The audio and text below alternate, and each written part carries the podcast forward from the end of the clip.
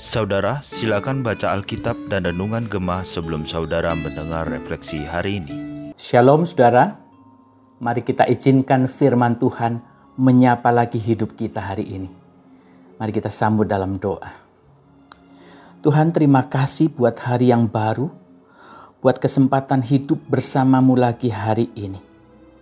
Kami sadar hari ini pun juga ada kesusahannya sendiri. Tetapi kami percaya rahmatmu itu tidak pernah habis. Kasih setiamu itu selalu menyertai hidup kami. Di dalam nama Tuhan Yesus, kami sambut firman Tuhan. Amin.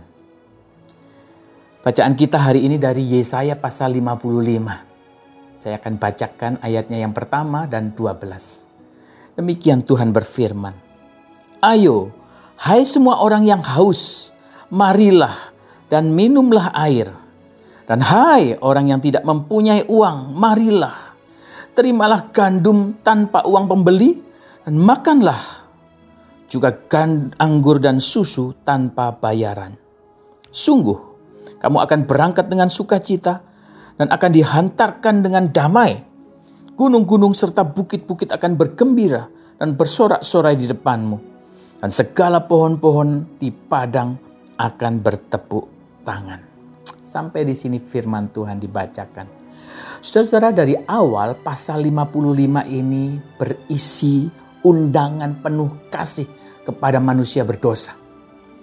Allah mengundang umatnya yang sedang dihukumnya dan juga bangsa-bangsa lain untuk datang kepadanya untuk menikmati berkat-berkat rohani di dalam dia.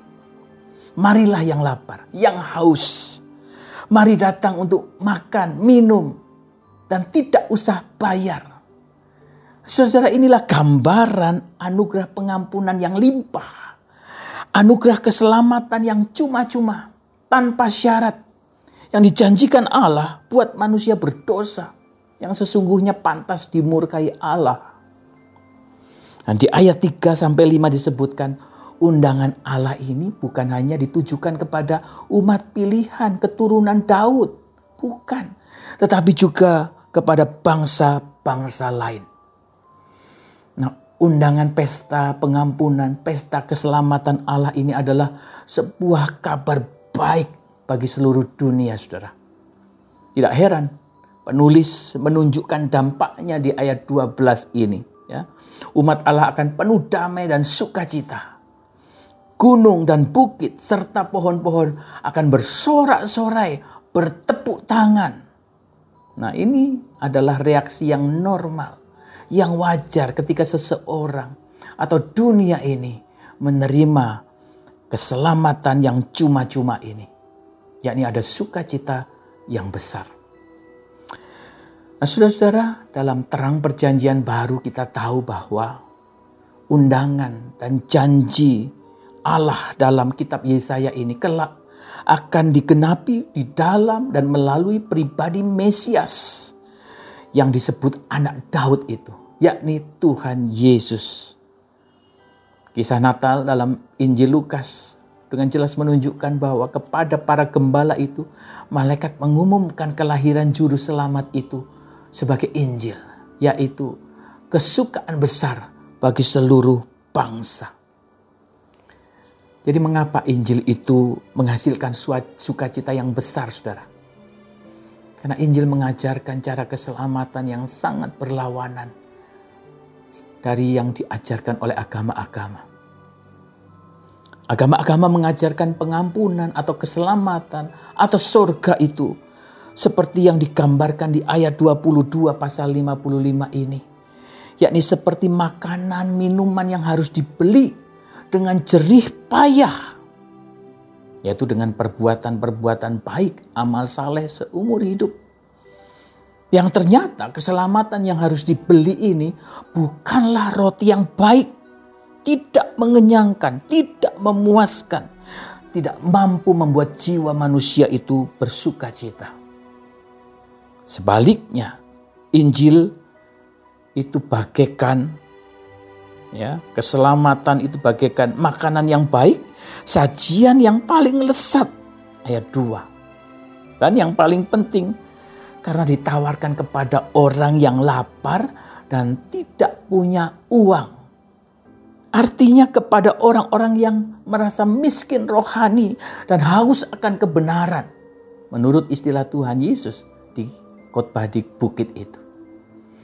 Menurut Tuhan Yesus orang-orang yang seperti inilah justru yang disebut berbahagia, diberkati. Mari saudara, masa Advent ini mengundang setiap kita untuk mengevaluasi diri. Jangan-jangan karena kita ini sudah lama ikut Tuhan, kita sudah lama aktif dalam pelayanan, maka kita tidak lagi merasa miskin rohani di hadapan Tuhan, tidak merasa lapar dan haus secara rohani. Jangan-jangan selama ini kita merasa jadi orang Kristen itu berat, sulit, banyak tuntutannya, banyak larangannya.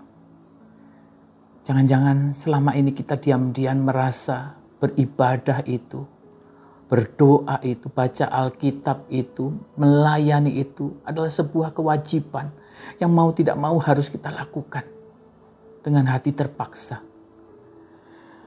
Nah, saudara-saudara, mari di tengah kesibukan dan kemeriahan menyambut Natal ini, mari sama-sama kita pastikan kita juga menyambut Tuhan Yesus itu sendiri.